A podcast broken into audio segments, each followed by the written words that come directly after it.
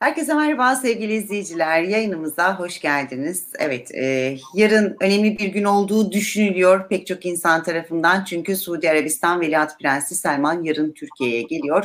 E, piyasalarda bir döviz kaynağı beklentisi oluşturdu. Tabii Perşembe günü de bizim Merkez Bankası'nın e, faiz kararı açıklaması var. E, diğer taraftan Amerika'nın eski Hazine Bakanı'nın önemli bir açıklaması var. Hububat fiyatları bütün dünyada düşüyor. Bizde ne olacak onları da konuşacağız. Hepsini değerlendireceğiz değerlendireceğiz. Ekonomist Bayram Başaran karşımızda. Merhaba Bayram Bey. Merhaba Ebru Hanım. Evet, e, dilerseniz Suudi Arabistan Veliaht Prensi ile başlayalım. Yarın geliyor işte e, bir takım anlaşmalar da yapılacağı söyleniyor. E, ne dersiniz e, piyasalarda da bir beklenti oluştu. Beklenti oluşmalı mı diye başlayalım o zaman. Şimdi amaç zaten piyasalarda beklenti oluşmasıydı. E, o beklenti oluştu. En azından hızda dövizdeki hızlı artış şu an şimdilik durmuştu. E, yavaşlamış durumda. Artış devam ediyor ama hızını kesmiş durumda. E, amaç buydu. Şu anda kısa vadede Suudi Arabistan'dan herhangi bir şey gelme ihtimali yok. Ancak merkez bankaları e, eğer dolar üzerinden swap anlaşması yaparsa bir mantığı var. Onun dışında riyalle, Suudi riyaliyle yapılan bir swap anlaşması bir anlamı olmaz. Kısa vadede bu anlamda Suudi Arabistan'dan bir para gelişi mümkün değil. Ya bir şey satman lazım ya swap yapman lazım. Şimdi satacak malın yok satış için incelemeler vesaire bunlar 3-5 aylık işler. E, Amerika Birleşik Devletleri, devletlerinden de bunun e, onayı gerekiyor. Neden onayı gerekiyor? Şöyle anlatayım. Petrol paraları Bank of Amerika'da birikiyor. Bütün ülkelerin petrol paraları oraya yatıyor. Çünkü neden oraya yatıyor? Sebebi şu. Çünkü petrolü çıkartan firmalar direktmen Amerikan firmaları oraya yatıyor. Amerika'nın hazinesi izin verdiği kadar o devlette paraları kullanabiliyor. Maalesef böyle garip bir durum var. Dolayısıyla Bank of America'ya giren her doları da Amerikan hazinesi mutlaka kontrol ediyor. Dolayısıyla e, yani Suudi Arabistan'ı düşünün o kadar petrol zengin dünyanın en çok petrol çıkaran ülkesi ama bakıyorsunuz ülkesinde doğru düzgün bir yatırım yok. Vatandaşına bu yansımıyor. Neye yansımıyor? Yansımamasının sebebi ortada paraları Amerika kullanıyor. Çok net yani. Ben 2008 krizinde biliyorum. E, dünyanın en büyük bankalarından birisi Citibank zora girdiği zaman e, Suudi Arabistan'da galiba 50 milyar dolar alacağı vardı. Bu alacağına karşılık yoktular. Ya Batık Banka'nın hisselerini alın dediler. Böyle bir şeyin olması mümkün değil. Suudi Arabistan'dan Türkiye'ye kaynak gelmesi mümkün değil. Tamam. Ancak swap yapabilirler mi? Evet yapabilirler. Ama onun da dolar üzerinden olursa bir mantığı var. Yani birazcık olsa da e, piyasayı yani artış hızını yavaşlatmış olur bugünkü olduğu gibi. Onun dışında Selman'ın gelmesinin doğrudan bir şeyi yok. Çünkü satabilecek malın yok. Mi? Devlete ait satabileceğin yok. Ancak araziler var e, arazilerde satılabilir mi? O çok büyük tartışmalara neden olur. Diyeyim. Enerji güvenlik ve ekonomi konusunda anlaşmalar imzalanacak dedi ama tabii yarın geldikten sonra daha da netleşecek ne olduğunu evet, göreceğiz. Detay, detaylarına yarın daha detaylı bakarız. Evet. Ee, onlar o ziyaretler yapıldıktan sonra kamuoyuna açıklama yapıldıktan sonra daha detaylı bakarız ama şu an itibariyle, şu dakika itibariyle oradan çok büyük umut yok. Kaldı ki Ankara'ya yakın çevreler bu eğer bir umut olacağını bilseydi ki mutlaka onlar bilgi alıyorlar e, olsaydı zaten şu an e, döviz piyasalarında bir gevşeme görülürdü. Şu an o yok. Evet. Bu bir şey gelmez yani. Perşembe günü de faiz kararı var dedik. Hep Fed'in faiz kararını günler öncesinden, haftalar öncesinden bütün dünya gibi biz de konuştuk ama işte bizim Merkez Bankası aslında yani ne yapacağını da bildiğimiz için midir nedir çok fazla konuşmuyoruz ya da artık bugün ne karar verirse versin çok işe yaramayacağını düşündüğümüz için mi? Ee, çok fazla konuşmuyoruz ama Perşembe günü bir faiz kararı açıklanacak öngörünüz nedir sormuş olayım. Merkez Bankası Başkanı açıkladı. Yıl sonuna kadar bir faiz değişimi yapmak istemiyoruz dedi. Burada Merkez Bankası para piyasaları kurulup faizi belirlemiyor. Faiz bizde talimatla belirleniyor. Çünkü ne dediler? Merkez Bankası etkisizleştik dediler. Bunun anlamı nedir? Evet. Belirleyemezsiniz. Siz ancak açıklama yaparsınız. Merkez Bankası açıklama yapacak. Yarın saat 10'a kadar e, Merkez Bankası talimat gelecek. Merkez Bankası kararımız bu diyecek. Ama kararı Merkez Bankası almış olmayacak. Şey, Türkiye'deki durum bu maalesef yani. Evet. Dolayısıyla e, şu an ben faizde kuvvetle muhtemel %95 oranında sabit kalacağını tahmin ediyorum. %5'te gevşetebilirler. Yükseltme ihtimali sıfır. Yani tabii mevcut yönetim kaldığı sürece e, faizin yükseltilme ihtimali sıfır maalesef dünyanın tersine gidiyoruz. 102 ülke var dünyada.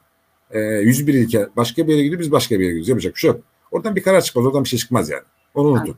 Ancak gerekçeli kararda bir şeyler yazılabilir mi? Onu görürüz. Bakalım ne gerekçe uydurmuşlar ona bakarız. Evet.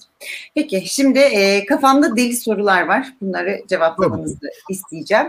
E, eminim benim gibi bütün izleyicilerimiz de aynı şeyi düşündüklerini düşünüyorum. E, eski Amerikan Hazine Bakanı Summers'ın bir açıklaması var. Diyor ki Amerika'da enflasyonun düşmesi için 5 yıl boyunca işsizliğin %5'in üzerinde olması gerekiyor diyor. E bakıyorsunuz bize döndüğümüz zaman işsizlik zaten bizde yüksek. Yani yüzde beşleri falan çok geçmiş durumda. Peki enflasyon niye bizde düşmüyor? Yüzde on ikide, yüzde on üçte. Evet. Diğer taraftan hububat fiyatları bir açıklama var. Hububat fiyatları dünyada düşüşe geçti deniliyor. Ee, işte dünyada her şey düşüşe geçerken maalesef bizde yine yükselişe geçiyor. Ee, ekmeğe yansıması gerekiyor ama ekmeğe şöyle yansıdı. Bugün işte İstanbul'da ekmek artık 5 lira. Evet. Peki Hubat'tan başlayalım. Ee, ben dün e, İç Anadolu, Konya Ovası'nın ha, hakim e, iş adamlarından, e, tarım yapan hakim iş adamlarından biriyle uzun süre sohbet ettim. Orada Ticaret Borsası Başkanlığı da yapıyor. Şimdi onun söyledi. Bu sene Hubat e, üretim miktarı, mevsim yağışların özellikle Nisan-Mayıs'taki yağışların iyi gitmesi dolayısıyla şu dönem hasat başladı. Rekoltenin, hani bakanlığın e, %15-20 artış bekliyoruz gibi değil, %100'e yakın artış bekliyorlar. Çünkü bir önceki sene göre %100 artış bekliyorlar. Neden? Çünkü bir önceki sene çok kurak gitmişti. Başaklar yapmıştı. Şimdi başaklar yanması falan durdu. Şimdi çok iyi. Yani sulu arazilerde 800-900 kilo dönüm başına e, verim almayı bekliyorlar. Kuru tarım yapılan yerlerde de e, 300-400 kilo almayı bekliyorlar ki bu iyi bir şey. E, iyi bir rekolte. Önceki yıllara göre çok iyi bir rekolte. Burada sıkıntı üretim kısmında birazcık aşılmış oldu. Ekilmeyen araziler var tabii öyle bakmak lazım. İç Anadolu'da böyle de acaba Trakya'da, e, Karadeniz bölgesinde, Ege'de nasıl durum, Güneydoğu'da nasıl onu bilemiyoruz. Onu, gör, onu görmemiz lazım. Oradan henüz elimizde somut veriler yok. Ama önceki yıllara göre bir artış oldu kesin. Sıkıntı şu, rekolte artıyor ama toplam üretim artar mı? Bu biraz tartışma konusu. Nedeni şu. Evet. Özellikle küçük çiftçiler gübre almakta öyle zorlandılar ki o zorlanma dolayısıyla gübre almakta zorlanma dolayısıyla o maliyetlerdeki artış dolayısıyla ciddi sıkıntılar yaşadılar. Evet. Çok, çok ciddi sıkıntılar verdi, yaşadılar. Dolayısıyla ekemem. Mesela beni Bafra'dan büyük bir çiftçi aradı. 500 dönüm arazisi var. Bunun yaklaşık e, 400-425 dönümünü ekememiş. Çünkü bir önceki diyor 400 dönümden topladığım hasılat buranın diyor gübre maliyetini karşılamadı diyor. Bu çok önemli. Dolayısıyla burada ciddi ciddi sıkıntılar var. E, umarım bizim verimiz artar. Verimiz artacak ama Burada Türkiye'nin dövize ihtiyacından dolayı önce Türkiye iç piyasası düşünülmüyor. Tamam ihracat düşünüyor. İhracat yaptığı zaman bu sefer de ekmek fiyatları durup dururken 5 liraya çıkıyor. Anlatabiliyor muyum? 2005'ten 5 liraya çıkmış oldu bir sene içerisinde. Yani evet. hatır, hafızam yanıltmıyorsa 2 lira 25 kuruş falandı geçen sene. Şimdi 5 evet. lira çıkmış. Biz bunları zaten söyledik önümüzdeki günlerde.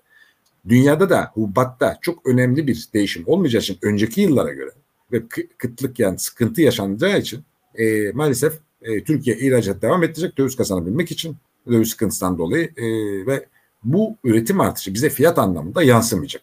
Maalesef evet. görünen. Çünkü bir de şöyle bakın çok özür dilerim söylüyorum. İçeride bir de gübre ve diğer maliyetler ortalama tarımda yüzde 300 civarında artmış. Tohum, tarım, e, mazot fiyatlarını dikkat aldığınız zaman en önemli girdiler bunlar. Yüzde 80 ile 85'ini oluşturuyor. Bunlar yüzde 300 civarında arttığına göre ki kendileri de eğer hafızam yanıltmıyorsa dün %127 Nisan ayı itibariyle %127.31 arttırmışlar tarım maliyetlerini. Bunu düşündüğünüz zaman zaten üretimin bol olsa da maliyetin aşağı gelme, maliyetin sürekli yükseliyor. Dolayısıyla fiyat da yükseliyor. Evet. Bu maalesef devlet politikasının haline gelmiş durumda. Evet, bu arada e, veriler de gelmeye başlıyor hem içeriden hem de dışarıdan. E, Euro bölgesi Nisan ayında 5.8 milyar euro açık verdi. Yani e, bu şu demek oluyor 11 yılın en yüksek açığı. Evet. Şimdi Euro bölgesinde maalesef işler bizden daha kötüye gidiyor. Kötüye doğru gidiyor. Oralarda da e, gıdadaki enflasyon %30'lara dayanmış durumda Amerika'da olduğu gibi. Şimdi enflasyonu dün hatta e, şeyle konuşurken e, Almanya ve İngiltere'ye konuşurken hatta Amerika'yla bir mailleştik. E, orada da artık insanlar devletin gerçek enflasyonu açıklamadığından şikayet ediyorlar. Şimdi bize dönmeye başladı. Bütün dünya devletlerine niye ise bir taraftan rakamları gizlemeye çalışıyorlar. Bir taraftan lafla piyasayı yönetmeye çalışıyor. Bu sıkıntı. İşte bunu doğru gören adam Larry Summers. Amerikan Hazine eski bakan. Ne diyor? Diyor ki Amerikan ekonomisinin toparlanabilmesi için belli bir süre işsizliğin yüzde beş üzerinde yüzde beş civarında seyretmesi lazım diyor. Yani işsiz diyor iki lira üç lira indirirseniz bu olmaz. Niye olmaz? Çünkü öyle bir para bastın ki piyasaya o para bile işsizliğini senin iki lira üç lira indirmedi. Evet. Bu çok ciddi sıkıntı. Dolayısıyla tasarruf tedbiri her devlet artık kendisi devlet olarak söylüyorum. Bakın millet halk değil. Devleti yöneten kişiler artık tasarruf zamanı. Deri Samus bunu çok güzel izah etmiş. Diyor ki yeniden derleyip toparlamamız için bir e, şey sıkı para politikası dolayısıyla e, kamu maliyesinin de harcamalarını kısması gerekiyor. Doğru.